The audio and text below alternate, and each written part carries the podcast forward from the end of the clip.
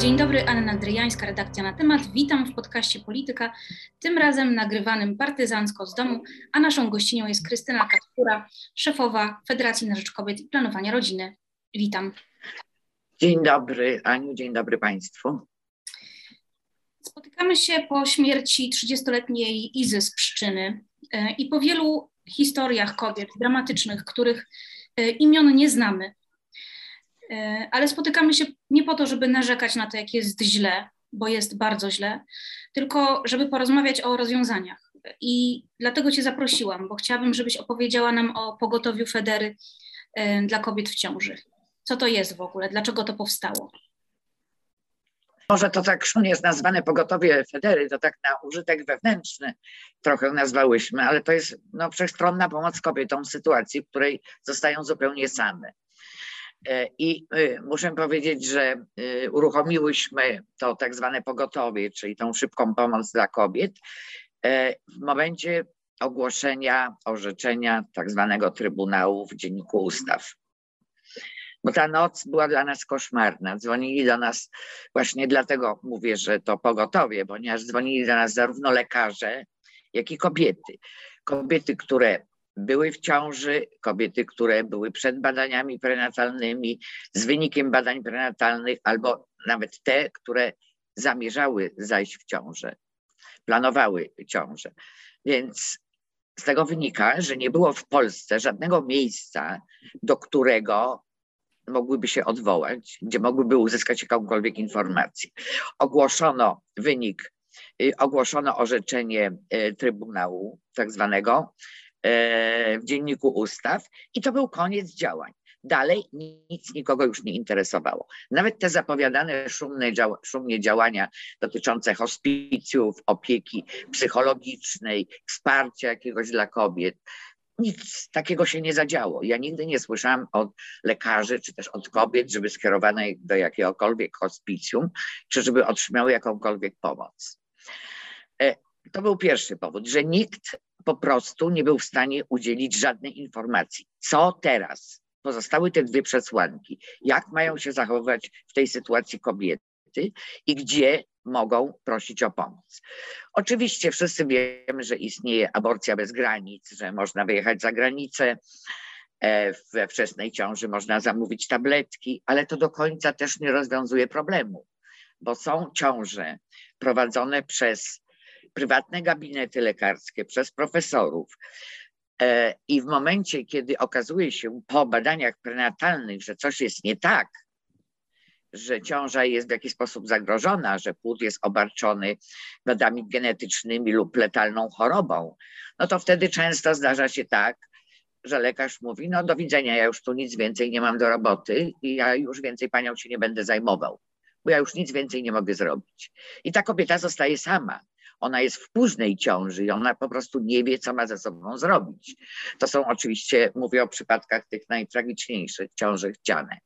I właśnie skupiłyśmy się na takich przypadkach, y, ponieważ jest to ogromne cierpienie kobiet, jest to straszna tragedia i dla kobiety, i dla rodziny. Y, I no, usiłowałyśmy w jakiś sposób zorganizować dla niej pomoc. Ciągle jest y, obowiązująca przesłanka do legalnej aborcji dotycząca zdrowia i życia kobiet. Więc to nasze tak zwane pogotowie kontaktowało się ze szpitalami, tłumacząc cierpliwie prawnikom współpracującym ze, szpitale, ze szpitalami e, czy kancelariom prawnym całym, że zagrożenie zdrowia jest tutaj także, ponieważ szpitale przyjęły tylko zagrożenie życia. Oczywiście nikomu do głowy nie przyszło, że przecież kobiety mogą być w straszny sposób okaleczone po takiej ciąży, która zagraża jej zdrowiu. No niekoniecznie, nie wszystkie umierają, ale zdarzały nam się przypadki operacji tragicznych, wycięcia yy, macicy, czy jajowodów, czy niedrożna. No różne, różne tego typu, nie będę wchodziła tutaj w szczegóły medyczne, ale to także dotyczy zagrożenia zdrowia. I zdrowie to nie tylko zdrowie fizyczne, ale także zdrowie psychiczne. Yy, przyznam szczerze, że te kobiety są w strasznym stanie psychicznym, zdając sobie jeszcze z tego sprawę, że e, żeby uzyskać pomoc, no to muszą dobrze trafić, czyli powinny trafić do nas albo do właściwego szpitala, bo to też nie jest e, takie proste, jednoznaczne, że pójdą do szpitala i się powołają na, nie wiem, federację i, i to wystarczy. Nie, nie, nie. To jest długa, długa droga.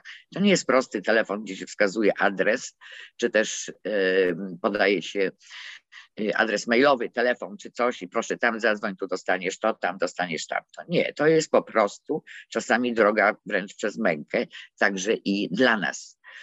E, bo e, niekiedy musimy kobietę, kobiecie e, proponować przejście do innego szpitala, przejechanie, czyli trzeba jej, trzeba jej powiedzieć gdzie, co i czy tam już na nią czekają i jak będzie wyglądała ta sytuacja. Więc jest to... Przepraszam, bo rozumiem, że tu chodzi o nadal legalną aborcję dla ratowania zdrowia lub życia kobiety. Czyli mówicie takiej tak. kobiecie, droga pani, jeżeli chce pani, by lekarze ratowali jej życie, to musi pani się przenieść z tego szpitala do tego, bo w tym pani zdrowia nie uratują. Ona już wie, że w tym jej nie uratują, ponieważ niczego nie uzyskała w tym szpitalu. Każą jej czekać. Ona dostaje e, e, leki na podtrzymanie ciąży, mimo że ta ciąża obarczona jest tak strasznymi wadami, e, począwszy od bezmózgowia, a skończywszy na e, braku kości czaszki, czy też w ogóle na wrodzonej łamliwości kości e, albo wytrzewieniu. Więc to już jest taka sytuacja, że ona wie, bo ona z tego szpitala często do nas trafia, z tego szpitala, w którym aktualnie jest. E, nie może uzyskać żadnej informacji, lekarze i położne ją, że tak powiem, zbywają, mówią proszę czekać, lekarz przyjdzie, lekarz będzie. No taka podobna sytuacja, jaka się zdarzyła w Pszczynie. Taka też się zdarza. Czasami wystarczy jakaś interwencja telefoniczna. Wtedy, kiedy, kiedy po prostu e, jest to niedobre słowo, ale straszymy lekarzy. Po prostu mówimy im, że za chwilę przyjdą tam prawnicy, i za chwilę będą odpowiadali za narażenie zdrowia czy nawet życia tej pacjentki, że sprawa czasami, jest poważna. Że... I to czasami lekarzy tak. motywuje, żeby ratować e, zdrowie lub życie kobiety, tak? Tak, bo oni są wtedy, e, ponieważ e, cechuje ich swoistego rodzaju e, konformizm. Oczywiście zastrzegam, nie wszystkich. Są lekarze, którzy są bardzo przyjaźni, znaczy przyjaźni, po prostu zwyczajnie są lekarzami. Pomagają wtedy, kiedy już jest potencjalnie zagrożenie e, zdrowia i życia, e, czy też życia kobiety. Natomiast większość zwyczajnie się zasłania. Wcześniej była to klauzula sumienia, a teraz jest prawo. Więc klauzulę sumienia to ja już rzadko słyszę, natomiast słyszę e, teraz o tym, że prawo. Ja mówię, dobrze, no ale prawo zezwala. A skąd pani wie, czy jej to zagraża? Ale ja mówię, ale pan dobrze wie, panie doktorze. No być może. Ja mówię, to proszę napisać te wszystkie zagrożenia w karcie, żebyśmy w razie czego wiedziały, jak nasze prawniczki czy prawnicy mają pana bronić, gdyby ewentualnie sprawą zainteresował się prokurator. Ja jeszcze raz chcę to podkreślić, że od prawie 30 lat nie znam takiej sprawy, żeby lekarza oskarżał prokurator o aborcję, która zagrażała zdrowiu lub życiu kobiety. O aborcję w sytuacji, gdy zdrowie lub życie kobiety tak. było zagrożone. Tak, dokładnie, dokładnie. Więc nie znam takiego przypadku, nigdy o nim nie słyszałam, sprawdzałam to dokładnie. Nie. Oczywiście były sprawy dotyczące raczej odwrotnie, czyli zaniechania pomocy.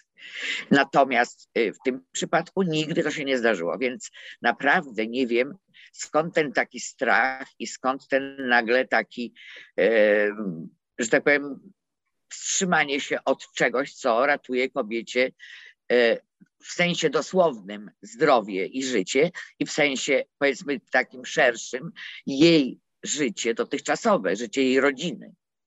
Bo przecież e, taka ciąża, nazwijmy ją patologiczna, no jest patologiczna, nie pozostaje bez wpływu na zdrowie psychiczne e, kobiety. I kolejną naszą pomocą skierowaną do pacjentek w trudnych ciążach jest pomoc ze strony psychiatrów. Stworzyłyśmy grupę psychiatrów i ciągle ona się poszerza, którzy po prostu rozmawiają z tymi kobietami, odbywają, kobiety odbywają wizyty i otrzymują zaświadczenie, że ta ciąża zagraża ich zdrowiu. My, psychiatrzy, celowo nawet nie piszą o życiu tutaj, bo oczywiście takie zagrożenie istnieje, jeśli kobieta mówi, można to potraktować niedosłownie, że ja się zabiję, ale ja ani jednego dnia dłużej nie wytrzymam z tą ciążą, nie dam rady po prostu, a mam jeszcze małe dzieci, no ale to wtedy po prostu kobiety no, należałoby odizolować, czy nie wiem, nie wiem co, zamknąć, czy ja czasami też mam wątpliwości, jak dzwoni kobieta i mówi, jak mi pani nie pomoże, to ja się zabiję. Więc y, też się zastanawiam wtedy, jak reagować, czy łagodnie, czy krzyknąć, czy powiedzieć po prostu nie mów bzdur, zaraz ci pomogę. Więc y, to są naprawdę bardzo, bardzo trudne przypadki i rzeczywiście one są w potwornym stanie psychicznym.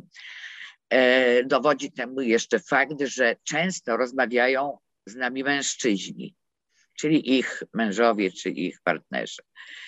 E, ona zaczyna rozmowę zaczyna strasznie płakać i szlochać albo przeraźliwie krzyczeć i wtedy siedzący obok mężczyzna bierze telefon i on zaczyna, zaczyna rozmawiać. Jak sprawa już się zakończy, to ci mężczyźni e, niekiedy dzwonią i mówią, że nie przypuszczali, przez jakie piekło kobiety muszą przechodzić. No oczywiście dziękują, więc to jakby jest normalna sprawa, ale ja nigdy nie zmuszam do, do, do wywiadów czy, czy do opowieści. Jeśli kobieta sama chce, to tak, ale to jest straszna, straszna trauma dla kobiety, która bardzo chciała mieć dziecko i teraz się okazuje, że niestety yy, no nic z tego nie będzie i jeszcze ma dodatkowe problemy, bo nie dość, że chciała, to jeszcze jest uważana za morderczynię, przynajmniej sama siebie tak od razu klasyfikuje. Więc ta stygmatyzacja aborcji jest potworna.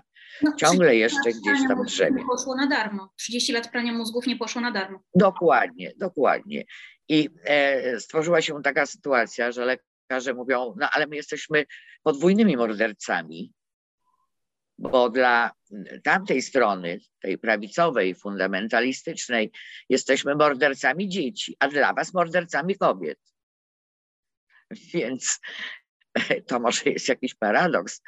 E, natomiast, jak mówię, e, moim zdaniem e, zaostrzenie ustawy poprzez to orzeczenie pseudotrybunału doprowadziło do tego, że państwo przestało się w ogóle interesować aborcją. Państwo, mówię w wydaniu partii rządzącej, czyli zarówno rząd, jak i prawicowi politycy. Świadczą o tym dość cyniczne powiedzenia Kaczyńskiego. Można wyjechać za granicę, przecież wszędzie jest niedaleko, wszędzie można zrobić aborcję, o czym to świadczy, że nie o aborcję tu chodziło. E, z kolei pan poseł Suski e, mówi, że no przecież kobiety umierają przy porodach, czy, czy kobiety w ciąży umierają, więc po prostu bagatelizowanie zupełnie zdrowia i życia kobiet.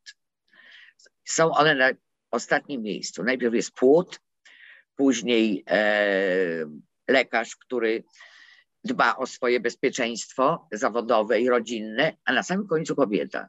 Kobieta, o której zdrowie i życie nikt nie walczy. I wskazują ją, że tak powiem, na samotność i zupełne zapomnienie. No. Więc wracając do naszej pomocy, y, każda kobieta, która jest w ciąży, zagrożonej, jak najszybciej powinna się z nami skontaktować zadzwonić, być w kontakcie, pytać. E, skierujemy ją do specjalistów, zwłaszcza te, które mają problemy ze zdrowiem. E, namawiamy mężów i partnerów, żeby to samo robili, jeśli kobieta nie jest w stanie, bo one czasami po prostu nie są w stanie. One, one potrafią tylko krzyczeć, czy ktoś mi pomoże. Więc e, no, sytuacja jest naprawdę trudna i taka przykra. Trzeba ubrać się, że tak powiem, grubą skórę, żeby wytrzymać te wszystkie rozmowy i jeszcze coś konkretnego tej kobiecie poradzić. No. E, mamy taki zwyczaj w federacji, że jeżeli monitorujemy e, ciążę jakiejś kobiety, ciążę zagrożoną, e, i kobiety, która ma jakiekolwiek przesłanki zdrowotne, często są to natury psychiatrycznej, to monitorujemy ją do końca, aż sprawa zostanie załatwiona i mamy ostatnią rozmowę na końcu. Często też pomagamy jej w wsparciu takim psychologicznym poprzez, poprzez nasze psycholożki lub też kierujemy ją na terapię, y, ale to się zawsze dzieje do końca. bez względu na to, kiedy się sprawa, to nie jest tylko informacja, której udzielimy, proszę mieć to, to, iść tu i tam, ale sprawdzamy każdy etap postępowania łącznie z ostatnim, czyli pytamy, jak się pani czuje, czy jak się czujesz, czy już jest po zabiegu i w czym możemy jeszcze pomóc. No w każdym razie wspieramy je od początku do końca. Nie wyobrażam sobie takiej sytuacji, żebyśmy kobiecie dały informacje pełne i potem nie interesowały się tym, co się dzieje. Więc zawsze prosimy o telefony, zapisujemy je. Jeśli kobieta się nie odzywa, same dzwonimy. I ile zazwyczaj trwa między telefonem kobiety w ciąży y, no, rozwijającej się patologicznie, czy kobiety, której zdrowie lub życie jest zagrożone albo zaszła w nią z czynu zabronionego? Ile trwa od tego pierwszego telefonu do ostatniego telefonu?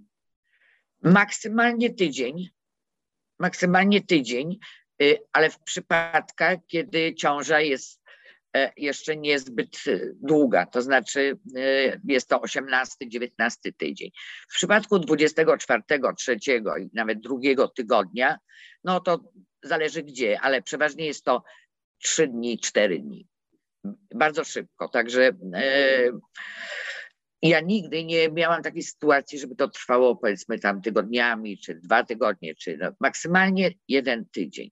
Ale jest to spowodowane tym, że e, jeśli nie uda się wyegzekwować e, legalnej terminacji w szpitalu, w którym kobieta przebywa, albo w szpitalu w jej okolicach, czy w jej miejscowości, to my natychmiast kierujemy ją do innego szpitala, gdzie już, że tak powiem, prawie na nią czekają już wszystko jest, że tak powiem, lekarz uprzedzony, ona wchodzi na izbę przyjęć, wie, co ma do, zrobić. No dosłownie e, czasem się śmieję, że nawet numer pokoju muszę podać, gdzie będą konsultacje. One są tak przerażone, to nie jest śmieszne, ale to jest, a proszę pani, a które piętro, a, a który pokój, a, a jak długo. E, nieraz muszę powiedzieć, że e, takie sytuacje są dość kuriozalne wręcz nawet dla mnie. Ja mam dosyć niski głos i jeśli od rana do wieczora rozmawiam, to wcześniej rano prawie, że przestaję mówić i za każdym razem jak dzwonią kobiety, to biorą mnie za mężczyznę. Proszę pana, czy można nam pomóc? Ta federacja nam pomoże. No więc ja spokojnie wyjaśniam, ale to tak, taki drobny żart. E, natomiast jak mówię, każda kobieta, która zgłosiła się do nas, otrzymała pełną informację i, że tak powiem, monitoring jej sprawy od początku do końca. I to jest chyba ten moment, w sumie on powinien nastąpić na początku, e, kiedy podam e, numery federacji, tego waszego prywatnego pogotowia dla kobiet w ciąży, których e, życie i zdrowie może być zagrożone. To są numery 663 7939 lub 501 694 202. Ile wy macie dziennie takich telefonów średnio? To zależy, ale bywały takie dni, w których miałyśmy 30, 40 telefonów. E, teraz znowu jest dużo, dlatego że teraz są nawet nocne telefony. Ja się zawsze boję nie odebrać. Czasem, jak już w końcu zasnę i chociaż kilka godzin, no to rano natychmiast oddzwaniam. Teraz były telefony dotyczące spraw podobnych do tej, która zdarzyła się w Pszczynie. To znaczy, odeszły wody, martwy zarodek albo płód. I, I e, taka sprawa była na przykład w Lublinie. Kobieta chodziła od szpitala do szpitala e, i mówiono jej, że nie ma miejsc. Ale no być może, że nie było miejsc. To grozi jej tak. zdrowiu i życiu bezpośrednio. No, Ależ oczywiście, że tak.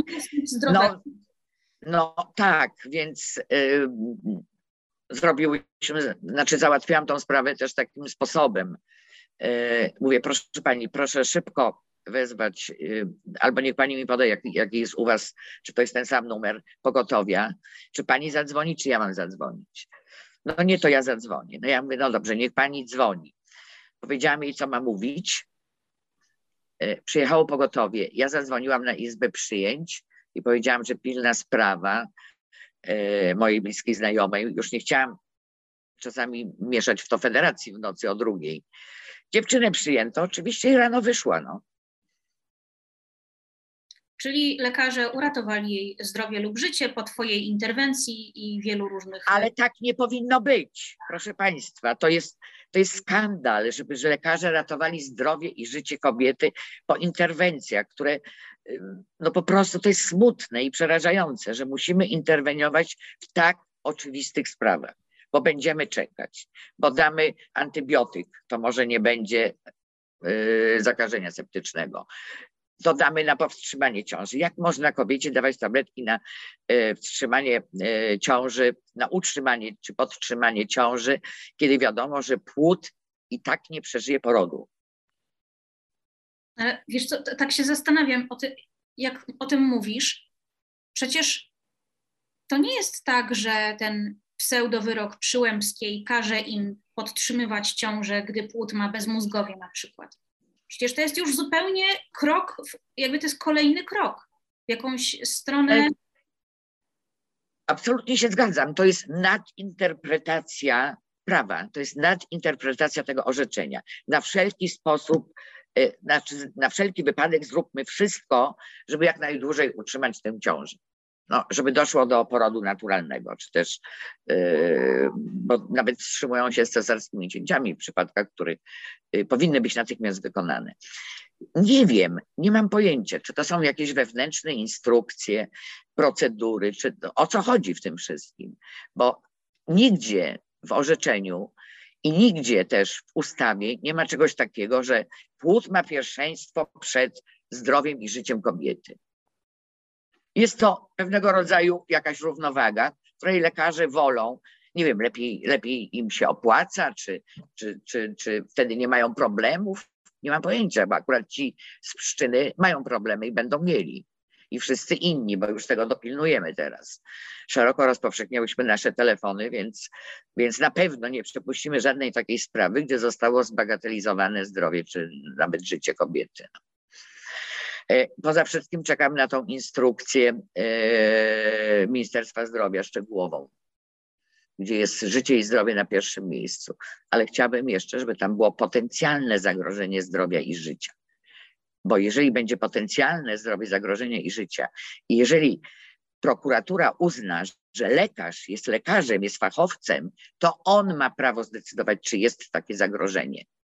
I on może wypisać wszystkie możliwe zagrożenia w danym przypadku. Krwotok czy stan zapalny. No wiele, wiele różnych, o których zapewne wie. No ale jak to będzie wyglądało, to nie wiem. Czyli... Ja wiem, że w Warszawie prezydent Trzaskowski też e, powołuje grupę ekspertów, e, która będzie wydawała e, nowe procedury dla szpitali warszawskich. Więc zobaczymy, jak to będzie wyglądać. Czyli krótko mówiąc, masz nadzieję, czasami może wbrew rozsądkowi, że te wytyczne Ministerstwa Zdrowia nie będą polegały na tym, że okej, okay, mała sepsa jest w porządku, ale jak już będzie duża sepsa, to wtedy możecie ratować, tak? Tak, mam taką nadzieję. Mam taką nadzieję i będziemy interweniować. Oczywiście na nasze interwencje Ministerstwo Zdrowia nie odpowiada, bo przecież trzeba było czekać na śmierć kobiety i rok, żeby w ogóle cokolwiek wydać, ustosunkować się jakkolwiek do, do, do tego orzeczenia. To znaczy ustosunkować w sensie tym, żeby pomóc lekarzom ale lekarze powinni też sami o to wystąpić. Mamy Polskie Towarzystwo Ginekologiczne, mamy Naczelną Radę Lekarską, mamy Krajowego Konsultanta do spraw ginekologii, perinatologii, gdzie oni wszyscy byli. Napisali jedno oświadczenie, że będzie trudno, ale oni powinni się domagać jakiegoś e, wyszczególnienia, jakiejś, że tak powiem, pomocy takiej prawno-medycznej ze strony ministerstwa. Albo sami wystawić, że musimy to wiedzieć. Żeby po prostu w każdym szpitalu były odpowiednie i takie same procedury. To, czego nigdy się nie mogłyśmy doczekać. No i dlaczego tego nie zrobili? To, to, to nie jest dla nich istotne? To jest. Y, nie, nie no, to jest tak, jak powiedziałam. Załatwiliśmy sprawę aborcji, dalej nas nie interesuje. Tylko nagle okazało się, że o ponad 60% spadła ilość absolwentów akademii medycznych wybierających specjalizację ginekolo ginekologia i położnictwo. Nikt nie chce być ginekologiem. Ja się ja wczoraj rozmawiałam, z, ja się też nie dziwię, ja wczoraj rozmawiałam z y, profesorem, y, ginekologiem, y, który wykłada na Akademii Medycznej i on mi mówił, mówi, słuchaj, na pewno każdy woli być nawet onkologiem, no bo onkologia no wiadomo, wkalkulowana jest, że tak powiem, utrata zdrowia, jakoś tam. I tutaj nigdy prokurator nie wchodzi. A do ginekologa zawsze.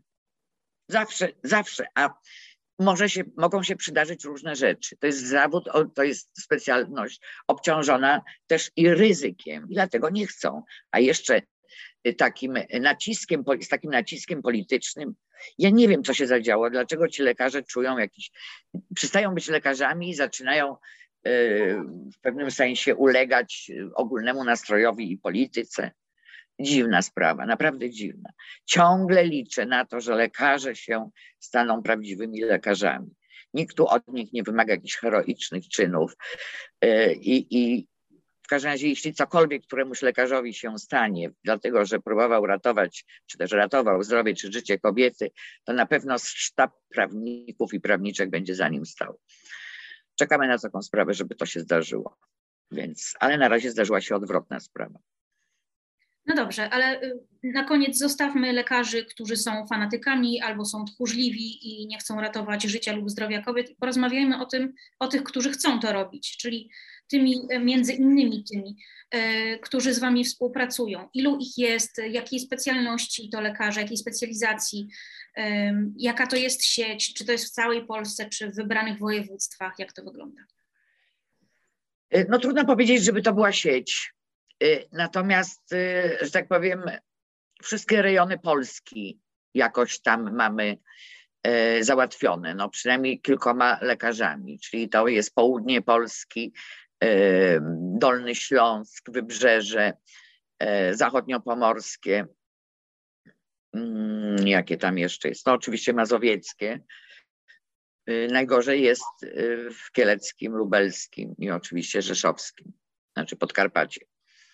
Więc tam jest najgorzej. Ale no, staramy się, żeby kobieta nie musiała wędrować, zwłaszcza wtedy, kiedy panuje pandemia, żeby nie musiała jeździć kilkaset kilometrów, ale żeby to było jak najbliżej miejsca zamieszkania, ale one i tak są bardzo wdzięczne, że nie muszą wyjeżdżać w tej sytuacji za granicę, tylko że pomoc będzie tutaj w Polsce.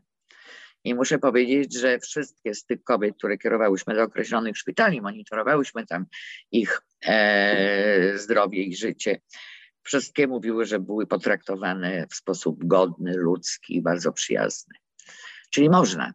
Okazuje się, że można. Co byś powiedziała na, tak na koniec kobietom, które są e, w ciąży mm, rozwijającej się patologicznie, takiej, która zagraża ich życiu i zdrowiu z czynu zabronionego, które szukają pomocy i być może zastanawiają się, czy nie zostaną odesłane z kwitkiem, czy jak potraktuje je Federa? E, powiedziałabym kobietom najpierw, żeby były też bardziej asertywne czyli żeby były bardziej pewne siebie. Bo przecież gdyby nie my pacjentki, to niepotrzebni byliby ginekolodzy, bo kto tu dla kogo jest. To pierwsza sprawa. Druga, powiedziałabym też, żeby nie wychodziły bez uzyskania odmowy na piśmie. Żeby po prostu za każdym razem e, składały same e, prośbę o terminację ciąży z powodu złego stanu zdrowia, E, zaświadczenia oczywiście dostaną w zależności od tego, co, co tam się dzieje z ich zdrowiem. I każda taka odmowa powinna być na piśmie. Bo jeżeli my nie mamy na piśmie, tylko kobiety nam mówią, ja się bałam, a nie chciał mi dać. Ja wiem, że to jest trudne, ale wtedy my możemy reagować prawnie. Wtedy my możemy zakładać sprawy i możemy rozmawiać z tymi lekarzami już jako partnerzy, y, a nie, a nie jako y, klientki że tak powiem, błagające czy proszące, bo i tak się zdarza, jak jest trudna sytuacja zagrażająca naprawdę zdrowiu kobiet, no to też i bywa, że musimy prosić. Ale generalnie kobiety, domagajcie się e, realizacji waszego podstawowego prawa. Piszcie, że to jest wasza decyzja, źle się czujecie, macie zaświadczenia, a jeśli ich nie macie, zgłaszajcie się do nas. Podpowiemy, do których lekarzy się udać. Jeśli dostaniecie odmowę, poproście o tę odmowę na piśmie. Pokażcie podanie, które skierowałyście do lekarza. na kopii, prosicie o potwierdzenie, bo wtedy my też możemy reagować na takie szpitale bardziej.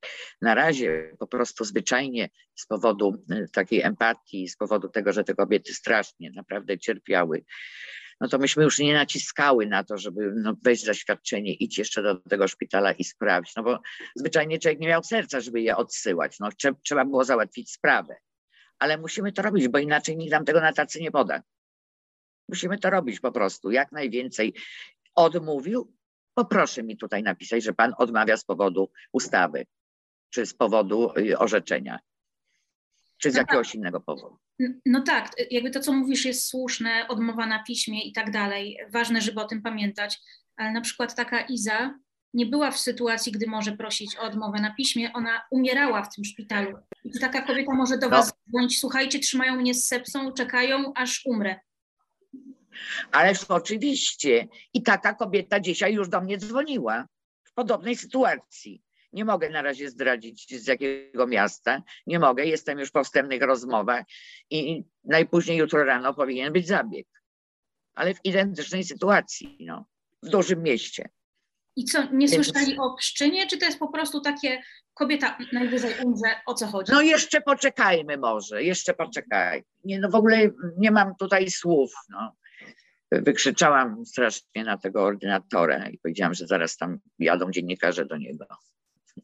Także musiałam, musiałam użyć jakiś, ja się śmieję, ale to jest taki śmiech goryczy wręcz i, i olbrzymiego zażenowania, że w takich sytuacjach y, jasnych i czystych musimy, musimy wręcz monitorować. No.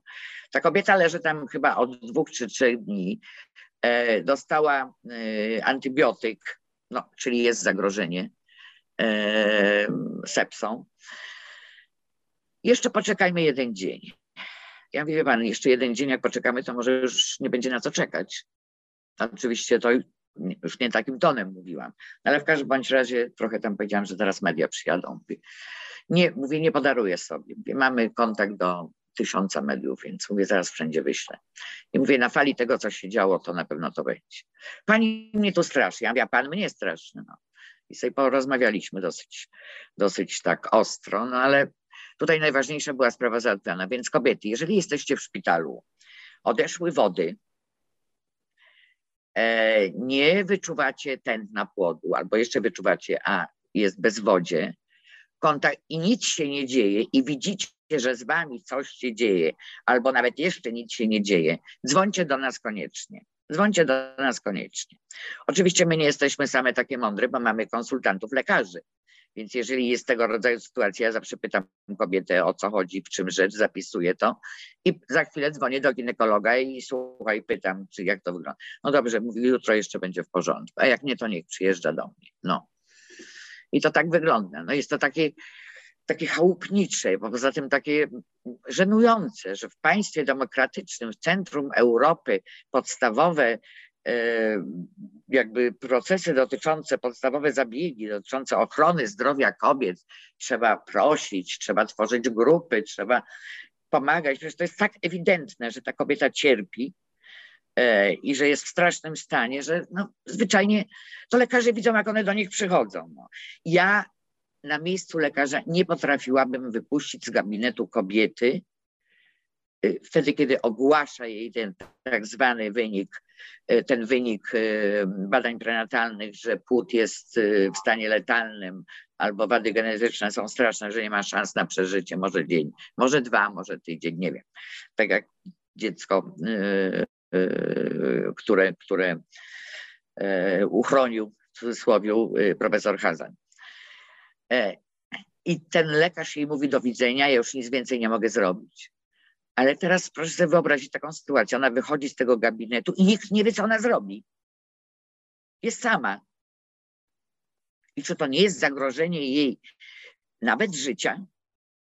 Jeżeli wypuszcza się kobietą samą, bez jakiejkolwiek wskazówki. Ja dziękuję nawet tym ginekologom, którzy dają numer telefonu do federacji, bo i tacy są. No, tutaj jest już... konstytucyjne prawo do informacji. Można poinformować pacjentkę, że istnieje coś takiego jak Federacja na Rzecz... Ależ wszędzie powysyłałyśmy ulotki i są lekarze, ordynatorzy y, w szpitalach, profesorowie, którzy dają telefon do nas I to się zdarzy. Więc ja już za to jestem wdzięczna, bo ta kobieta ma tą jakąś iskierkę nadziei, jeszcze nie wie co, ale ma ten telefon, gdzie się może zwrócić, bo często wychodzi bez niczego. Po prostu, do widzenia. Ja tu już nic nie mam do roboty. Wie pani, ustawa, yy, orzeczenie. I, i, I na tym koniec. Tak nie wolno postąpić lekarzowi. Nigdy, nigdy się na to nie zgodzę. Bez względu na to, cokolwiek by mu nie groziło. Nie wiem, to, to, to nie jest lekarz, który w ten sposób postąpi z kobietą. Dlatego bądźmy wdzięczne za tych nielicznych, którzy nadal wykonują to, co do nich y, należy, robią to, co do nich należy. To nie jest kraj dla kobiet, ale dla kobiet jest federacja i jej pogotowie e, pod numerami 663 107 939 i 501 694 202.